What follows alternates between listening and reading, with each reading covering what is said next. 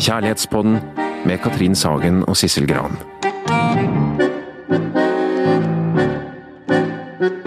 Her sitter Sissel og jeg i studio, og det vi gjør her, det er å utforske det store temaet kjærlighet. Hva er kjærlighetens bestanddeler? Når blir noe kjærlighet? Hvordan varer kjærlighet? Hvorfor knuses den? Og hva kan man gjøre for å få den til å vare? Og en rekke andre spørsmål. Vi skal egentlig by på alt det du trenger å vite om kjærlighet. Ja, og nå er vi kommet til den eh, femte og foreløpig siste episoden vår i utroskapsserien. utroskapsserien. Og i dag skal denne um, eh, episoden handle om den såkalte inntrengeren, altså eller andrekvinnen, tredjeparten i et forhold, altså den som Andre mannen. ja, andre mannen. Det hender at det er en mann. Det skal vi snakke litt om, denne, denne kjønnsfordelingen her. Det er jo et veldig vondt begrep, dette med inntrenger, altså en som tar for seg og stjeler en annen. Eh, Så det vi også skal snakke om, det er eh, at denne personen ofte blir invitert inn. Mm. Av den ene av partene i det etablerte parforholdet. Vi skal se litt på hva slags person er dette her? Er dette et kynisk individ, eller er dette et helt vanlig menneske som leter etter kjærligheten som alle andre. Vi skal prøve å forstå, vi skal gjøre alt vi kan for ikke å kaste stein eh, i denne episoden heller. Ja. Og dette med mann og kvinne, det er jo Man ser jo at mannlige inntrengere, da, hvis vi bruker det ordet. bruker det ordet, ja. Ja, de kalles jo ofte for forførere, eller erobrere. Og så tematiseres det sjelden negativt, i hvert fall i litteratur, film og sånn. Eh, Men det er ofte elskerinnen som det skrives om i litteraturen, den andre kvinnen, da. Mer som en sånn slange som bryter seg inn i paradiset. Og det er litt spennende hva, hva denne forskjellen egentlig handler om. Og er det du tenker forskjellen i hva man kaller, Ja, hva man kaller en kvinne og en mann som, eh, som kommer inn i et allerede etablert forhold? Ja, både egentlig hva man kaller det, og hvorfor det er litt sånn ladet forskjellig, pluss Ja, eh, hvorfor det også er flere kvinner. Det ser i hvert fall sånn ut. Det ser sånn ut. Eh, Er det sånn at menn ikke tillater seg å være nummer to, eller hva handler det om? Eller, og dette med, med ladningen, er det et slags ekko av gamle kjønnsfordommer, da? At menn er sjarmører hvis de har mange partnere, og kvinner er onde og billige eller ofre, eller ja. Men uansett så er det i hvert fall både kvinner og menn som er såkalte inntrengere. Men det kan altså se ut som at det er særlig kvinner som aksepterer rollen, eller hva jeg skal si, som, som den andre. Hun som kan komme til å leve et skjult liv sammen med en partner som offisielt tilhører en annen. Um, og Frode Thun han skriver også om elskerinnen i sin bok Utro. Og denne kvinnen hun omtales jo med stor forakt av mange I kulturen, ja. i kultur, ja absolutt. Og eh, som å bli beskrevet som en slags forbryter eller en tyv eller en umoralsk person. Og hun har ikke noe talestol, hun får sjelden sympati av andre enn likesinnede. Og hun er fryktet, og hun er hatet. Ja, det er riktig. Men vi kan jo ta en mann, ja. og en av litteraturens mest berømte inntrengere ved siden av Casanova, da, og Don Juan og sånne. Det er vel vår egen Per Gynt. Ja. Fordi eh, denne Henrik Ibsens eh, storskryter og døgnikt, eh, han røver jo bruden i hennes eget bryllup fra, på Hegstad gård eh, med list og lempe, og dumper henne eh, regelrett etter å ha forlystet seg med henne. Og han blir jo lyst fredløs for dette her, eh, for bruderovet, eh, som er et kjent tema i Ibsens stykke da. Eh, Han rømmer landet, og resten av historien kjenner vi, og han svikter sin Solveig som trofast venter, og han driver hor i det uendelige, Per Gynt. Og han er seg selv nok, og han går utenom alle sannheter og har verken moral eller kjerne, og allikevel så utdeles altså Per Gynt-prisen årlig til en kvinne eller mann i Norge som har gjort seg spesielt bemerket for en skam. Æsj! Hvem vil egentlig ha den prisen? Jeg har ikke tenkt på det sånn. Æsj. Ja, ja. ja. Ja, ok. Men tilbake. Vi, vi, vi har jo fått mange brev og innspill, vi, etter de forrige episodene som vi har hatt om utroskap. Og også om mange som selv har vært, eller er, tredjeparten. Og de er, kan være, en del av de er skeptiske og syns at vi har et slags, eller et forenklet og moraliserende forhold til utroskap og tredjeparter. Og jeg tenkte jeg skulle lese, det er et litt, et litt langt innlegg, men jeg tenkte jeg skulle lese hele Ja, det er fint, for det har vi fått lov til. Ja, det har jeg fått lov til. Ja, mm, gjør det. Jeg er den andre. Jeg er hun single tenåringsmammaen som har en relasjon med en gift mann. Et tilfeldig møte gjennom felles kjente, umiddelbar gjensidig attraksjon, har nå blitt til ett år med jevnlige møter. Noen ganger over et glass vin i all offentlighet, andre ganger uten vin og uten klær, gjerne midt på dagen, mer privat. Kvinne søker mann til formiddagstreff, som en annonse tatt ut fra Dagbladet for lenge siden. Vi er begge voksne, vi har utflyttede barn, karrierer og et rikt sosialt liv.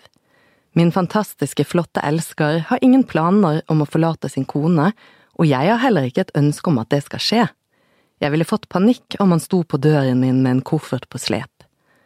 Dermed blir jeg rimelig provosert når dere beskriver slike som meg, den andre, som hysterisk, utspekulert, og den som er grunnen til at ekteskap havarerer. Jeg er rimelig sikker på at jeg bidrar til det motsatte. Hvorfor skal min elsker leve uten sex, i et ekteskap som ellers fungerer optimalt? Hvorfor vil dere heller at han skal skilles fra sin kone gjennom snart 30 år, enn å være sammen med meg et par–tre ganger i løpet av en måned? Hvorfor mener dere at utroskap er nesten så utilgivelig at dere må lage fire episoder om dette temaet, som om det er verdens undergang? Personlig vil jeg ha nærhet og sex, ikke en kjæreste akkurat nå, men jeg er ikke skrudd sammen for one night stands, så denne ordningen fungerer for meg og for ham. Jeg, eller jeg vil egentlig si vi, for vi er flere kvinner i min omgangskrets, er svært selvstendige, oppegående, attraktive, med voksne barn, god økonomi, og som gjerne tidligere har vært gift eller samboere som velger denne ordningen. En uforpliktende relasjon med en gift mann, fremfor et forpliktende et med en singel mann. For det blir gjerne det, forpliktende, når begge er single. Denne ordningen vil jo ikke vare evig, det er vi begge innforstått med, han mener jeg kommer til å møte noen, og det gjør jeg jo, en gang, når jeg er klar, for selvfølgelig har jeg også en historie. Jeg møtte hva jeg trodde var min store kjærlighet for tre år siden, vi ble stormende forelsket, og han mente han var den heldigste mannen på jord. Han har to barn med sin tidligere kone, og de samarbeidet veldig bra etter bruddet som skjedde noen år før. Problemene oppsto da han og jeg ble mer seriøse. Hans eks ble mer og mer vanskelig, og taklet ikke at vi var kjærester. Til slutt orket ikke min kjære mer, og gjorde det slutt med meg. Der sto jeg plutselig på utsiden av hva som skulle bli vår felles bolig, med espressomaskinen og tannbørsten under armen, og skjønte ikke hva som hadde skjedd. To uker senere flyttet de sammen igjen. I et år gråt jeg mer eller mindre konstant, frem til jeg møtte min elsker. Jeg føler meg heldig som traff ham, han dro meg opp fra grøften. Det er en mann jeg respekterer, og som overøser meg med komplimenter, og vi har fantastisk sex. Jeg føler meg sett og verdsatt. Er det ikke det vi alle vil? Jeg mener at det er viktig å få frem at utroskap ikke alltid er så fryktelig dramatisk som dere fremstiller. Kanskje alderen har gjort meg mer rundere i kantene om hva som er riktig og galt, flinkere til å velge hva som er rett for meg, fremfor hva som er forventet for alle andre rundt meg. Det er greit å vite at min elskers kone ikke vet om min relasjon med hennes mann, hun og jeg kjenner ikke hverandre. Det er også viktig å få frem at min elsker aldri har sagt et stygt ord om sin kone, han har heller aldri klaget over at det ikke blir sex på hjemmefronten.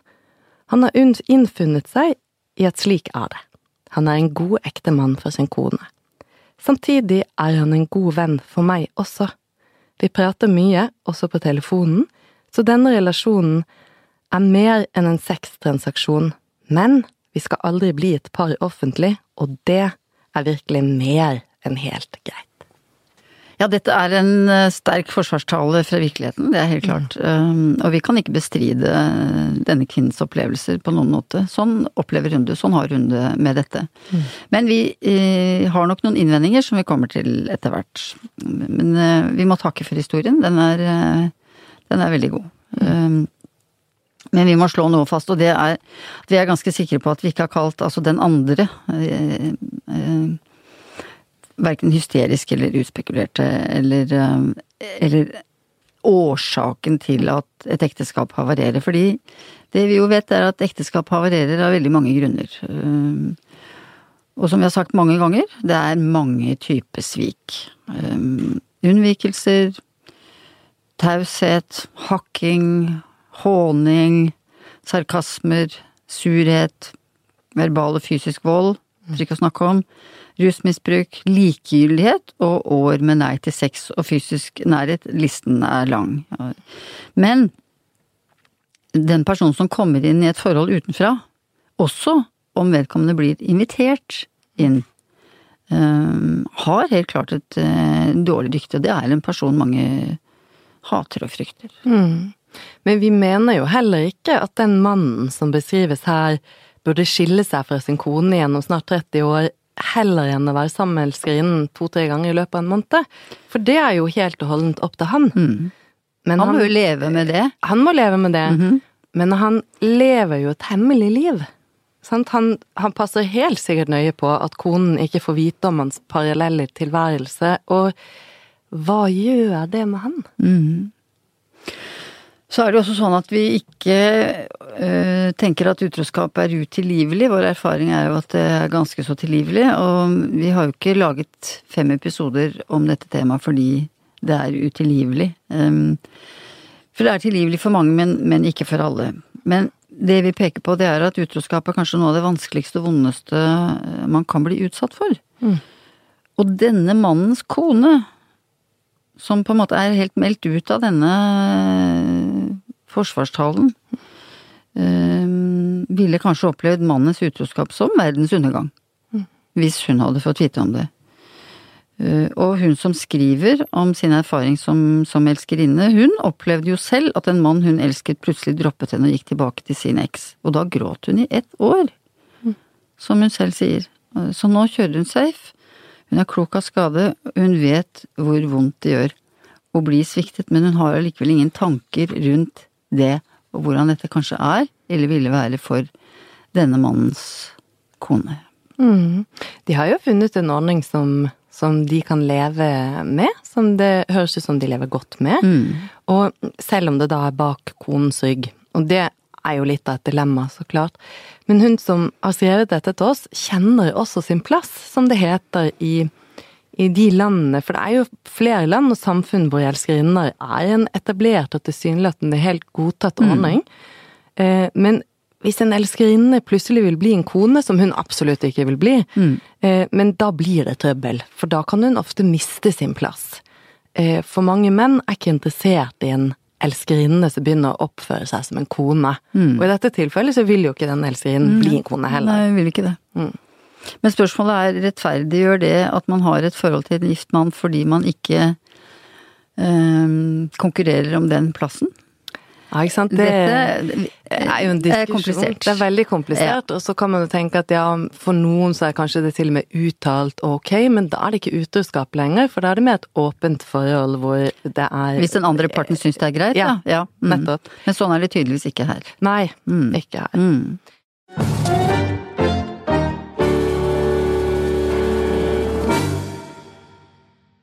Jeg driver akkurat og ser om igjen en litt gammel TV, ikke gammel TV-serie, men Mad Men-TV-serien, som er, utspiller seg på 60-tallet, tidlig 60-tallet i USA, i reklamebransjen. Og der møter vi mange andre kvinner. Og både de som drømmer om at mannen skal bli deres, men også de som har det bra i elskerinnerollene, som ikke ønsker noe annet enn å være der.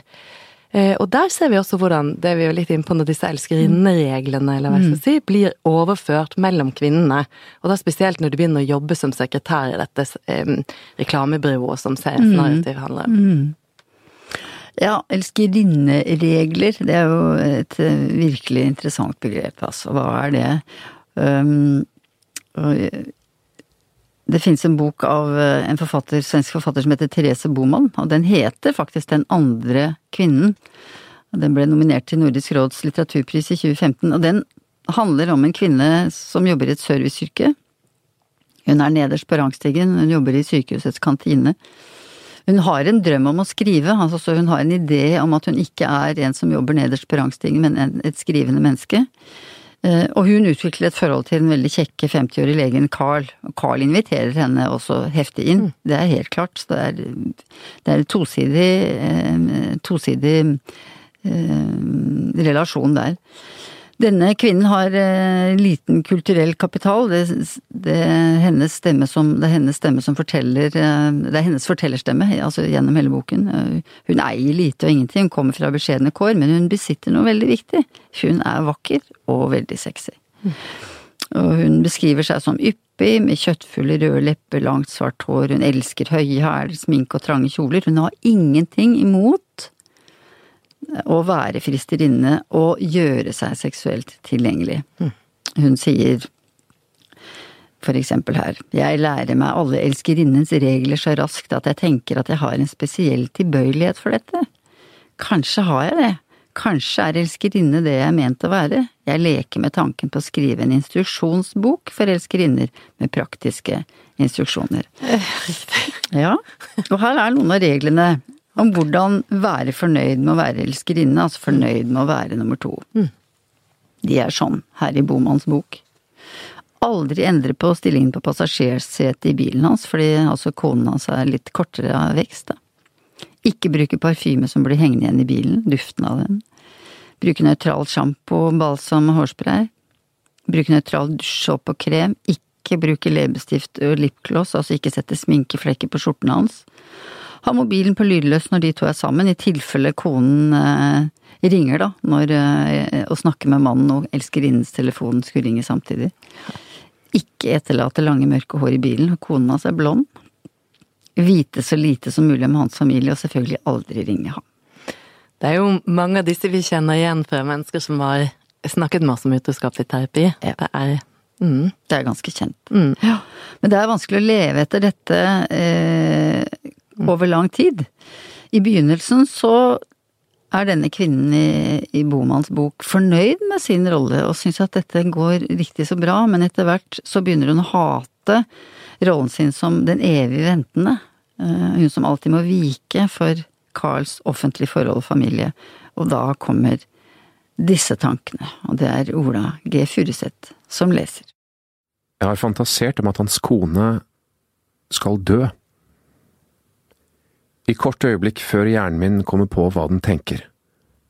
Og så skammer jeg meg om å forsøke å spyle bort det stygge jeg har tenkt med jeg mente det ikke, i tilfelle skjebne eller Gud skulle være der og lese tankene mine.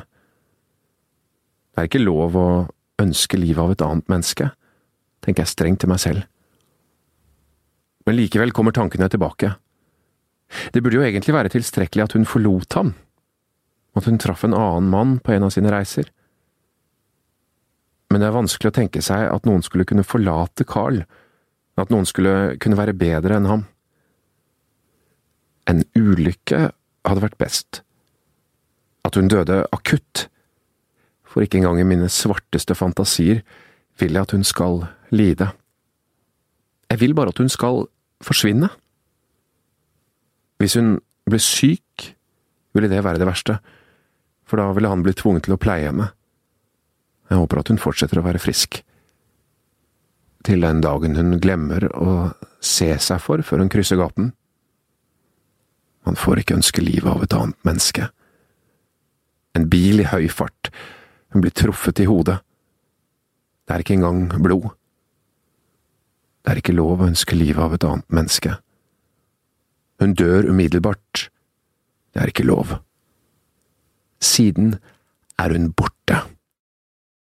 Ja, liv og død, det er jo det kjærlighet ofte handler om.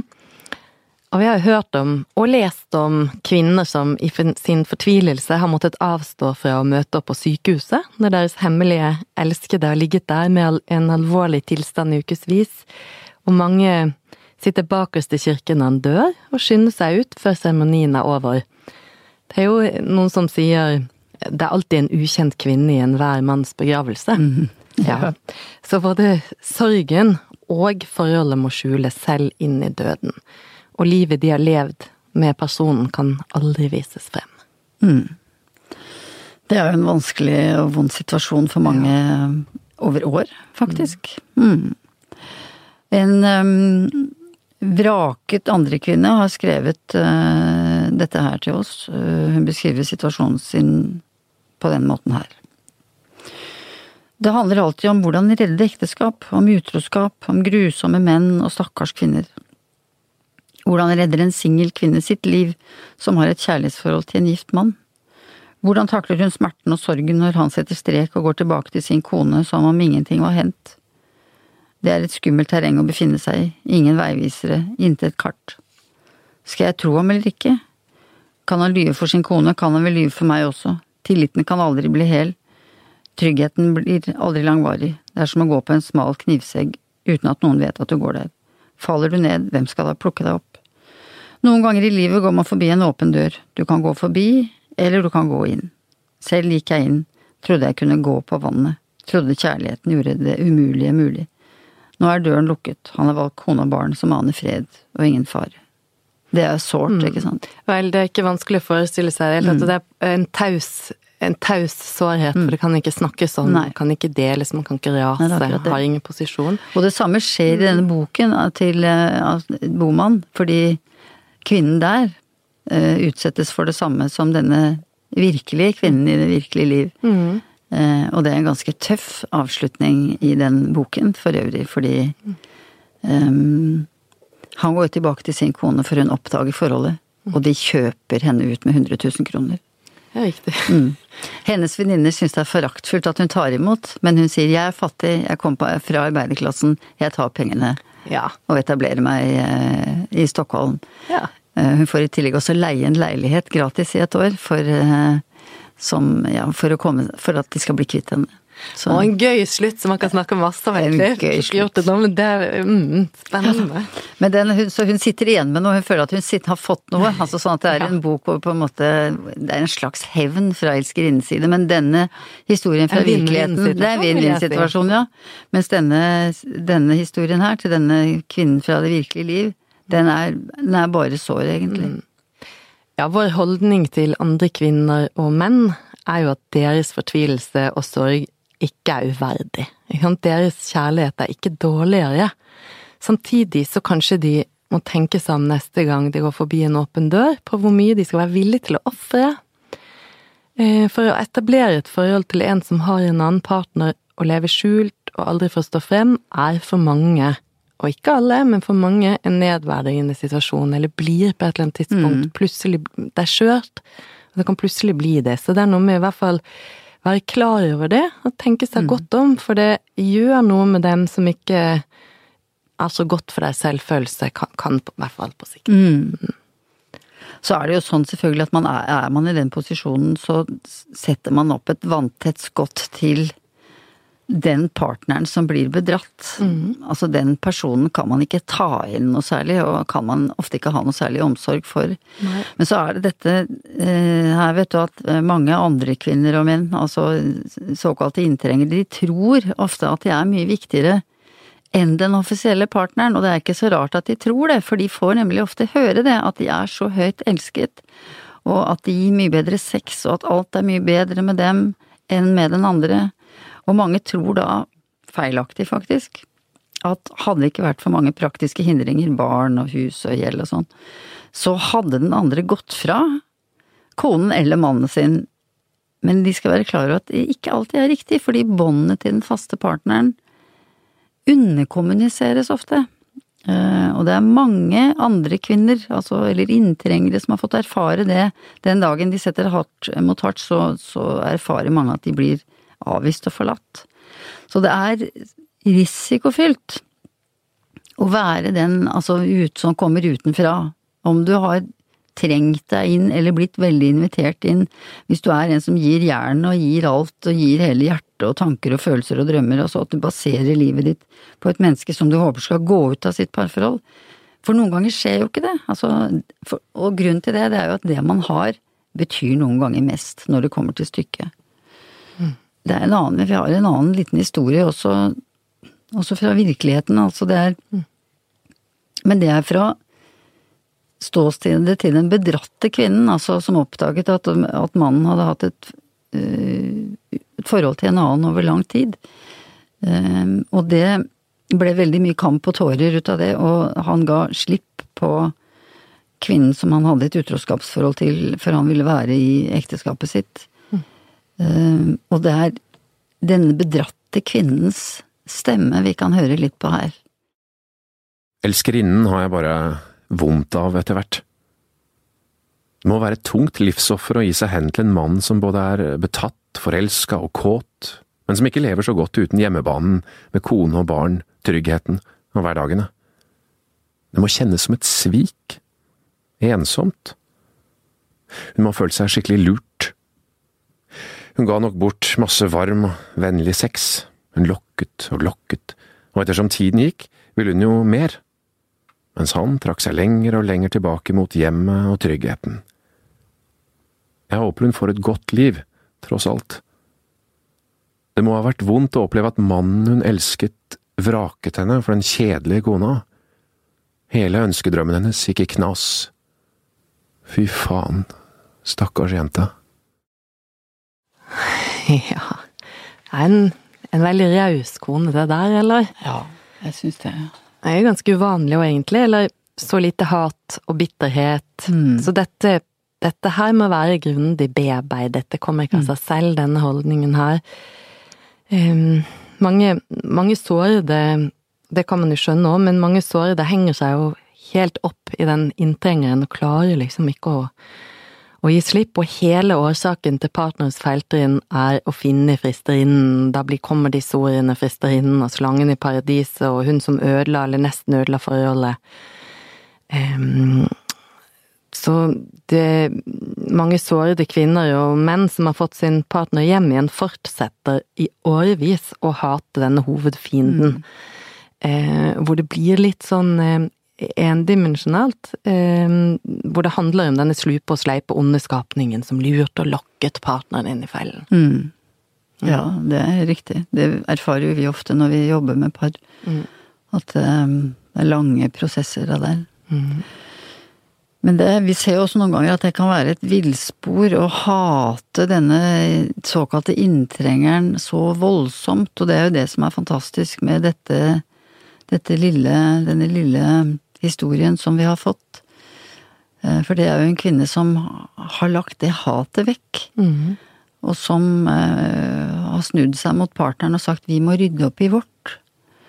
Eh, jeg vil ikke bruke kreftene og energiene mine på å hate, jeg syns mer synd på den damen som du Som nesten fikk deg, på Som en måte. nesten fikk deg, ja, og som, uh, som du var så lettsindig å leke med lenge, ja. Mm. Og det Men det er nok nødvendig for mange andre å hate, fordi, for å greie å gå videre sammen, men det høyner ikke parets eh, forståelse av hva det egentlig var som skjedde, altså hva som la veien åpen for den andre, da.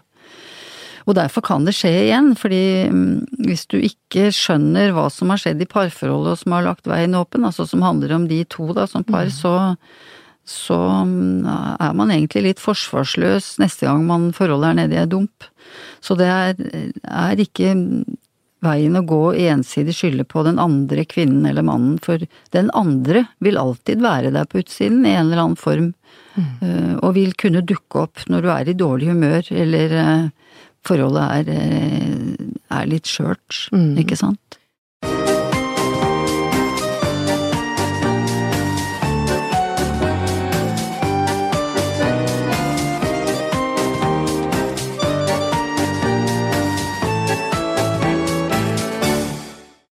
Men du, noen ganger så ser jo dette bildet litt annerledes ut, for noen er virkelig ute etter en opptatt mann eller kvinne.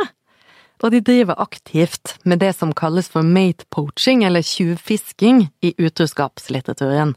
Og det handler jo om at de jobber med å fiske ut en person av et etablert forhold. Ja, det er riktig, altså. Og det, det, det vi jo, altså det vi vet er at hvis du vil fiske ut en, så kan du klare det bare du er iherdig nok, altså. Hvis du, hvis du bare driver nok med det vi kaller for gjentatt, Gjentatt eksponering, ikke sant. At du dukker liksom opp eh, gang på gang og, er, eh, og stadig gjør deg tilgjengelig, og viser at du er tilgjengelig, så kan du fiske nesten hvem du vil, altså. Det er det som er litt skummelt. Men hvem er liksom litteraturens mest kyniske inntrenger? Altså da ser vi bort fra Per Gynt, da, og det er jo tidligere nevnte Casanova. Som trengte seg inn i utallige ekteskap. eh, Og kvinner. Sin, ja, og kvinner, ja. Virkelig, med sin erobringskunst. Og nettopp, og når hun da ga etter Ja. for ham, så ble han lei, litt etter en Ja. stund.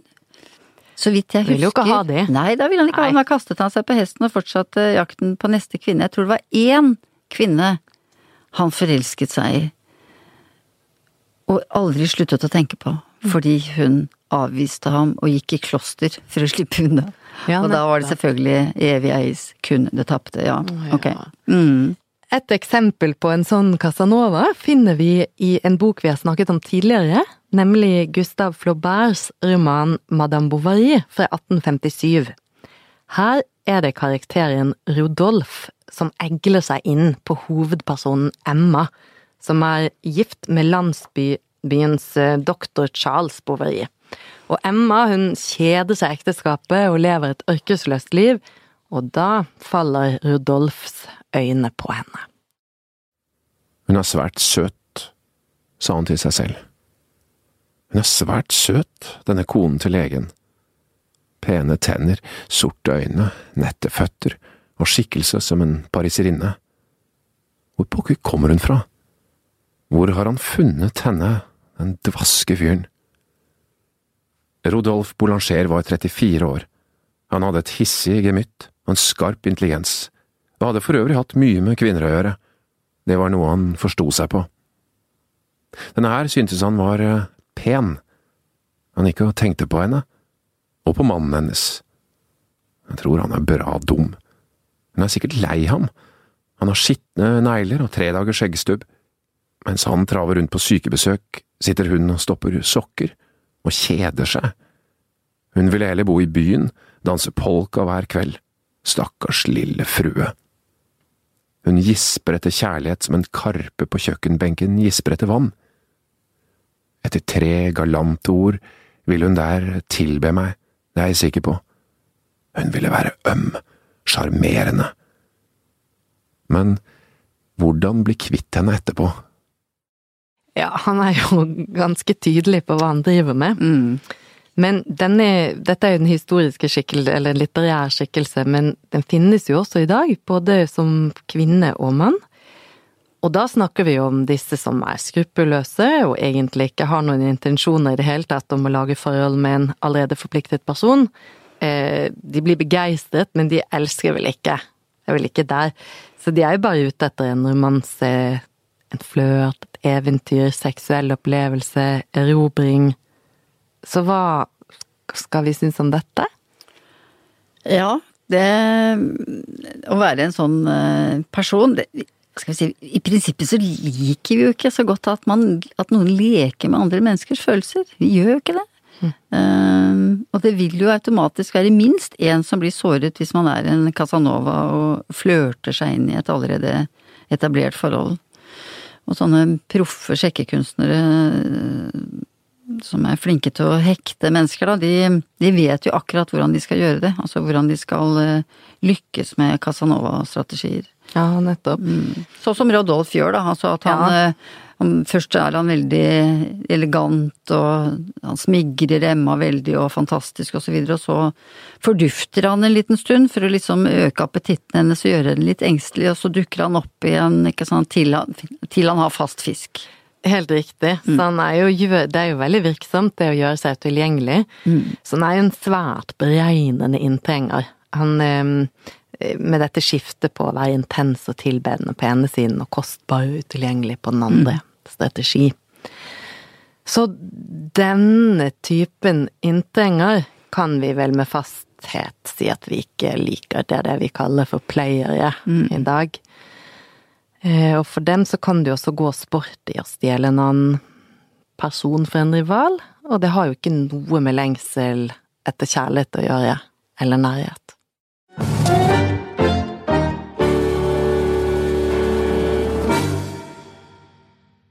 I Frode Tuens bok Utro, som vi har nevnt før eh, i denne episoden her, så eh, ja, Den heter Utro, om kjærlighetens bakgater. Mm.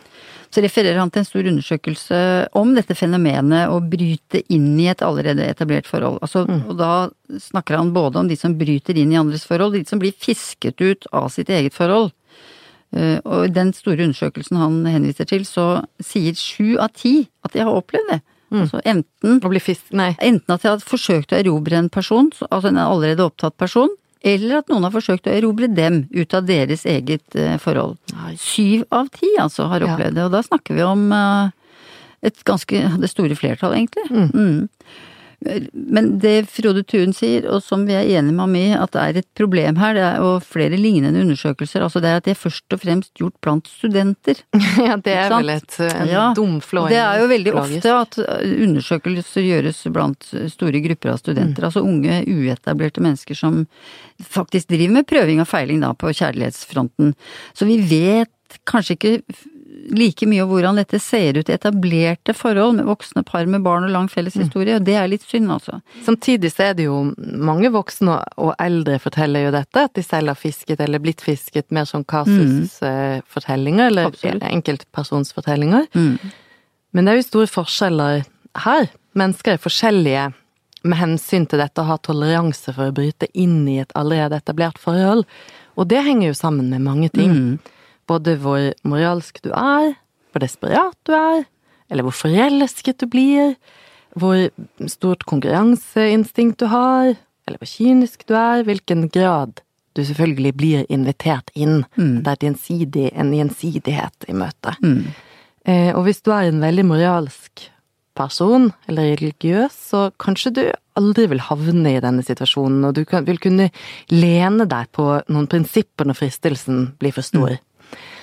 Nettopp. Så det kommer jo an på konteksten, da, eller hvilket miljø du er tilknyttet, med, om det er veldig svært moralsk eller religiøst, eller da høy, eller eh, opp mot hvor høy denne terskelen for utroskap er eller blir. Ja. Så er det jo også noen som er i, i på en måte det motsatte miljøet, hvor du har en type heiagjeng rundt deg, eller et, et miljø som bejaer og, eller bagatelliserer slike handlinger som handler om respekt for andres forhold. Um, du lever bare én gang, og det fortjener du, eller det gjør ingenting, eller alle er sin egen lykkes med, eller mm, og så Ja, videre. og mange sier jo, det vet vi jo godt, at jeg har jo ikke ansvar for noe annet enn meg selv. Jeg har jo ikke ansvar for hans eller hennes ekteskap. Hvis han eller hun ønsker å være utro med meg, så er ikke det mitt problem. Det er, det er eh, den utros problem. Han eller hun som er eh, Han står med det, eller Mhm, hun, står det den som er der, står sånn med det nok mange. moralske Ja. Mm. Ja. Men eh, det er jo viktig å understreke, tenker jeg, at um, mange er blitt veldig overrasket uh, over sin egen reaksjon i møte med en annen person. Mm. Ja. Eh, altså, de, de, mange som er, er helt tydelige og klare på at de aldri vil være utro eller fiske noen ut av et forhold, vil slett ikke være noen elskerinne Mm. eller en erobrer eller noe som helst. Altså, de vippes av pinnen altså, allikevel, noen. Både på grunn av personen de treffer, eller at det er sånn voldsom kjemi mellom dem, altså, eller det spesielle ved situasjonen. Mm. Og det, det oppdager vi mye i terapien når de kommer, Mm. eh, par kommer med utroskap, om det da enten at noen vil ut eller vil bli eller vil reparere, nettopp dette her med den 'jeg er en som aldri hadde trodd at jeg skulle befinne meg her'. I denne eh, situasjonen. I denne situasjonen. Egentlig hvilket, uansett hvilket av perspektivene vi da tar, eh, det er noe vi hører mye. Men så plutselig skjedde det. Ja. Jeg møtte det, eller Ja. selve møtet med den personen Ja. gjorde annerledes. Ja, altså alt kan ikke planlegges her her i Mm. dette liv. Og man kan være litt utsatt. eh, Man kan altså enten man eh, er på innsiden og er den som da går ut og er utro, eller man er på utsiden og er en som eh, blir hentet inn eller prøver å hente ut en annen. Man kan være litt utsatt i den forstand at man eh, befinner seg litt i det vi kaller en førforelsket tilstand. Altså at du er litt nedstemt, at du er litt lei deg, du har kanskje hjertesorg etter et tidligere forhold, du føler deg ensom, du er veldig klar for noe nytt. Du, føler deg forsømt i det forholdet du er i eller har vært i, osv. Altså det, mange opplever at det er ikke et valg de gjør, at de ikke bevisst forsøker å stjele en opptatt person. De faller for vedkommende, rett og slett, og det oppstår ekte kjærlighet, for å si det enkelt. Og de færreste planlegger å rappe en annen. Og noen ganger så blir jo dette et forhold, Mm. eh, og den tidligere opptatte går ut av sitt forhold og danner et nytt par med den såkalte andre eller inntrengende, eller hva vi vil kalle den. Og dette er jo en veldig vanlig måte å bli sammen på i dag. Eh, og mange opplever å være en inntrenger i den andres oppbruddsfase også. Eh, at utroskapen blir mer det vi kaller en overlapp, eller blir kalt for en overlapp. Eh, Så mange forhold blir til på denne måten, og det er jo et faktum, det er noe vi vet. Eh, og mange føler seg altså reddet av den såkalte inntrengeren, som den forlatte hater jo den selvfølgelig. Eller ikke alltid, men ofte. Mm. Eh, men som da er lykken for den som går. Og blir dette et langvarig forhold, så slutter jo denne inntrengeren etter hvert å være en inntrenger eller en andre person. Det blir en ekte partner, den ene partner. Og det kan jo også være en vanskelig rolle å håndtere noen ganger. Det kan ta tid før partnerens barn eller eks eller familie, venner, aksepterer at denne da inntrengeren ikke lenger er det. Altså en inntrenger eller en annen person, men et godt menneske. Det ekte menneskekjærligheten. Mm. Ja. Nå er det jo også sånn at uh, mange såkalte inntrengere kan være redningen for den som er på vei ut, men den personen får kanskje ikke et forhold i retur. Med mm, fordi du blir en brekkstang eller en redningsplanke eller liksom veien ut, men det blir ikke et varig forhold. Altså du, du får en utbryter, altså du får en som tilsynelatende gjerne vil ha deg, men som ikke er klar for noe nytt, og som bare trengte litt drahjelp i oppbruddsfasen. Og det, det kan være en veldig utakknemlig oppgave uh, Mm. å bli brukt som brekkstang. Ja, absolutt. Her kan vi jo trekke en linje til inntrengerne som, som venter i uendelighet på at den de er forelsket i skal innfri sitt løfte og gå fra sin offisielle partner. Og slike kvinner og, og noen menn har vi møtt mange av i terapi. Ja, det Jeg vet ikke hvor mange særlig kvinner jeg har snakket med og forsøkt å hjelpe som har sittet fast og etter hvert vært hekta på, vil jeg si, med en gift mann i årevis. At det er en veldig kraft i dette med det intimiterende, eller altså det periodiske, altså dette av og på-prosjektet som et sånt utroskapsforhold er. Fordi det kan være så intenst og fantastisk og bra sex og mange blir jo sittende der som en sånn rotte i bur, og det snakker vi om også noen ganger. At man blir liksom styrt av pellets eller godbiter som kommer med ujevne mellomrom, man vet aldri helt når. Mm. Og så er det en annen ting ved det også, det er at de som har et veldig sterkt konkurranseinstinkt, altså som de henger på mye lenger enn andre, altså, og har en sånn selvinstruksjon, hvis jeg bare holder ut, holder ut, så lykkes jeg til slutt. Da, da greier jeg å hente ham eller henne ut. Og det her, her har vi et godt litterært eksempel, altså fra Nina Lykkes Nei og atter nei, en bok vi har eh, Også snakket om, snakket om, for vi har snakket om den, Ja. vi har snakket om den bedratte, som er Ingrid i den boken, vi har snakket om den utro, som er Jan i den boken, altså Ingrids ektemann, og nå skal vi snakke litt om Hanne, som er inntrengeren eh, i Nina Lykkes bok. Og Hanne er en em, kvinne på 34 år, og livet hennes beskrives som ganske tomt. Altså, og hennes motivasjon for å få seg en mann, det er blant annet at den biologiske klokken tikker, og hun eh, er skeptisk til å eh, liksom gå inn i det hun kaller for hangaren, altså parforholdet, ekteskapet med alt det medfører, men allikevel så er det inn dit hun vil, eh, fordi hun sliter med frykten for å bli stående utenfor, for hun ser at nå er hun i ferd med å bli en mer enn, mye mer enn ung. Først da hun var blitt full nok, kunne hun lene seg tilbake og drive med i samtalen. Etter en stund i denne tilstanden nådde hun neste stadium, som bestod i at hun spurte seg selv om denne mannen hun løp sånn etter, ventet sånn på livstegn fra, om dette parforholdet og eventuelle graviditeten og familielivet som alt strevet skulle ende i, om det var så mye å trakte etter når alt kom til alt.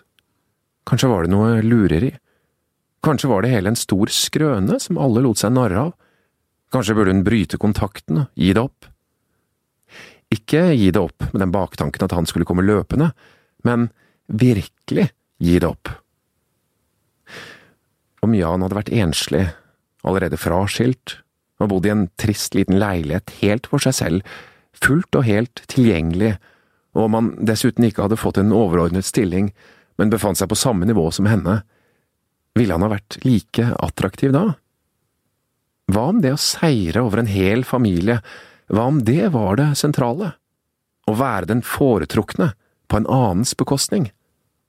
Dette er en av de mange tingene man mistenker, tenkte Hanne midt inne i sin promillesky, men som han ville benektet på det sterkeste hvis det ble sagt høyt. Hanne får jo Jan, ikke sant? Så mm. han går fra konen Ingrid, og Hanne flytter inn. Hanne blir gravid, og hun blir frustrert reservemor for de to slampete sønnene til Jan og Ingrid. For Ingrid hun abdiserer hun, og drar av gårde for å leve sitt eget liv. Hun er jo ferdig med å være husslave. Mm. Ja, men um, det går jo ikke så bra for Hanne. Hun, um, hun skjønner ikke helt hva hun har havnet i. Hun får jo Jans familie i fanget, og det hadde hun ikke regnet med. Og sånn er det kanskje for mange som henter en person ut av et ekteskap med barn. Det kan være både uromantisk og sjokkerende. Ja, det, er, eh, det tror jeg mange har erfart. At det, noen ganger koster det mer enn det smaker. Men det er sånn mange forhold starter i dag, og det, det er klart at eh, derfor får vi disse regnbuefamiliene, nyfamiliene og med alt kavet innabords der, som eh, moderne mennesker er pukka nødt til å håndtere, for det er frihetens pris, eh, for å si det rett ut. Og det er jo, eh, for å smette inn det, en del som skriver til oss om akkurat dette, hvordan få til disse nye mm. familiene med mine, dine, våre osv., og, og det skal vi snakke om senere, eller mm. andre episoder. Mm. mm. Ja, så vi ender vel opp her med å ikke rosemale dette temaet så veldig, og vi avviser litt grann denne man er da voksne mennesker og tar selvstendige valg osv. Det, um, det er ikke så enkelt som det. Og det finnes jo nettsteder da, som hjelper gifte og samboende til å finne en likesinnet utroskapspartner. Det ser veldig greit ut på papiret. Og, vi vet at mange uh, syns at det er gode ordninger. Men vi har altså sett uh, konsekvensene av avslørt, av, av avslørt utroskap uh, mange ganger i jobben vår, og det er ikke greit.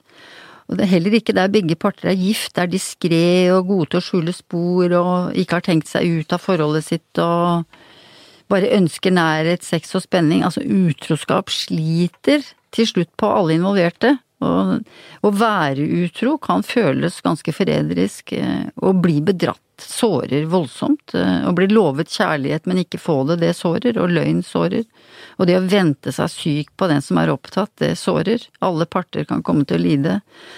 Eh, alt kan gå fint lenge, det vet vi jo, men bobler sprekker, og da er det krise, det kan vi garantere, for det har vi sett utallige ganger.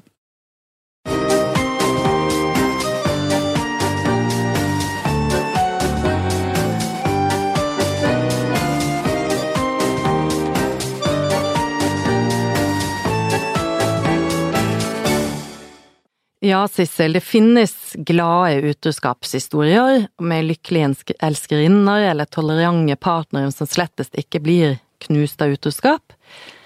Men vi er jo terapeuter, psykologer, vi, så dere som hører på, må huske at de historiene som vi får i vår jobb, det er de vonde historiene, og vi ser skadene. Og vi vet og ser at noen av de hardest skadde kan noen ganger være andre kvinnen eller andre mannen eller tredjeparten eller inntrengeren også. Den som har satt livet på vent, som overtilpasser seg, og som lever på smuler, og som har fått store løfter om kjærlighet enten i starten eller over mange år. Som år etter år må høre at hun eller han må være tålmodig og vente og ikke mase, være usynlig, som stadig prøver å tro på den forbudte kjæresten når han eller hun sier at det bare er spørsmål om tid før han eller hun er ute. Selv om han eller hun aldri har tenkt å forlate partneren. Vi har stor sympati for denne andre kvinnen, øh, og vi kan godt kalle det den følelsen mange av dem sitter med som forventesorg. Altså at de og det kan handle om ekte kjærlighet. Det å aldri få Og at det er en sorg i det å aldri få dette ordentlig realisert og aldri vite om det blir noe av. Og at det ligger en hensynsløshet bak, noen ganger hos den parten som er utro og som er sammen med en annen på utsiden av forholdet.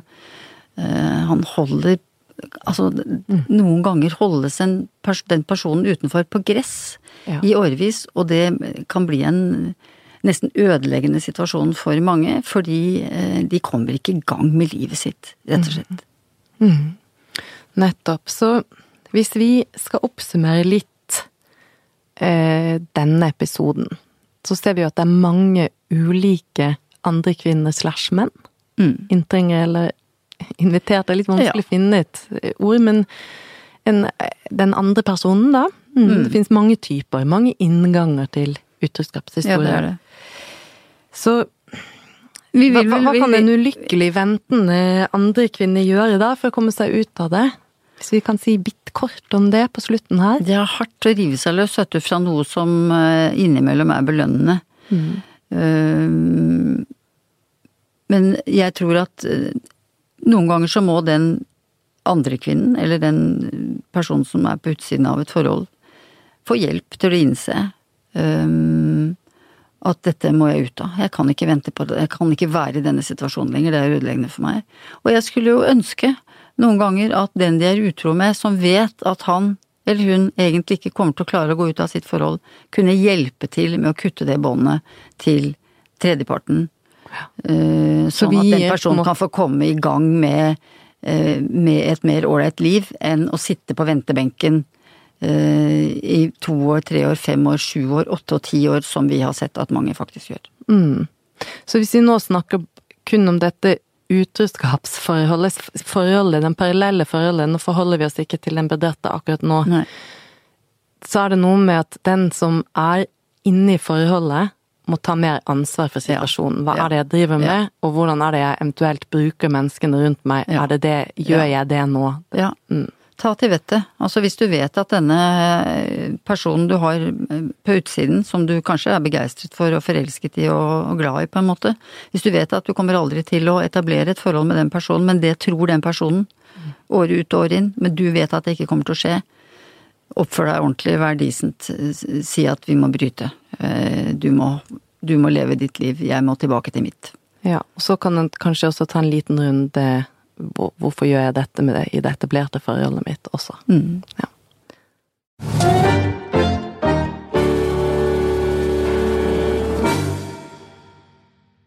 I disse fem episodene så har vi snakket om utroskap, og vi har prøvd å belyse flere perspektiver. Eh, Men det er viktig å si at vi har bare berørt noen få fasetter, eller hva jeg skal si, dette store temaet. Du vet, det er veldig vanskelig for oss, eh, Katrin, å vekte riktig hvem som lider mest i en sånn, i et sånn trekant eller triangel som et utroskapsforhold er. Absolutt. Er det den som er utro og nervøs hele tiden? Og redd for å bli avslørt og føler seg i spagat og vet ikke hva slags eh, Altså vet ikke hvilken retning handler hun skal gå. Er det den som blir bedratt og etter hvert forstår at dette har skjedd, som føler at handler hun virkelig går i stykker? Eller er det tredjeparten som har fått løfter om kjærlighet eh, og venter og venter med et bankende hjerte på at dette skal innfris? Jeg tror vi må kunne si som terapeuter at um, hjertet vårt iallfall er hos alle tre parter. Eh, og at vi kommer til å fortsette å arbeide med alle disse tre partene i, i vår terapeutiske praksis, og ikke fordømme noen. Og følg oss gjerne på Facebook og Instagram. Fortsett med å sende betraktninger og ideer til hva dere vil høre om. Og nå blir det en liten pause til vi kommer med neste. Ha det bra. Ha det!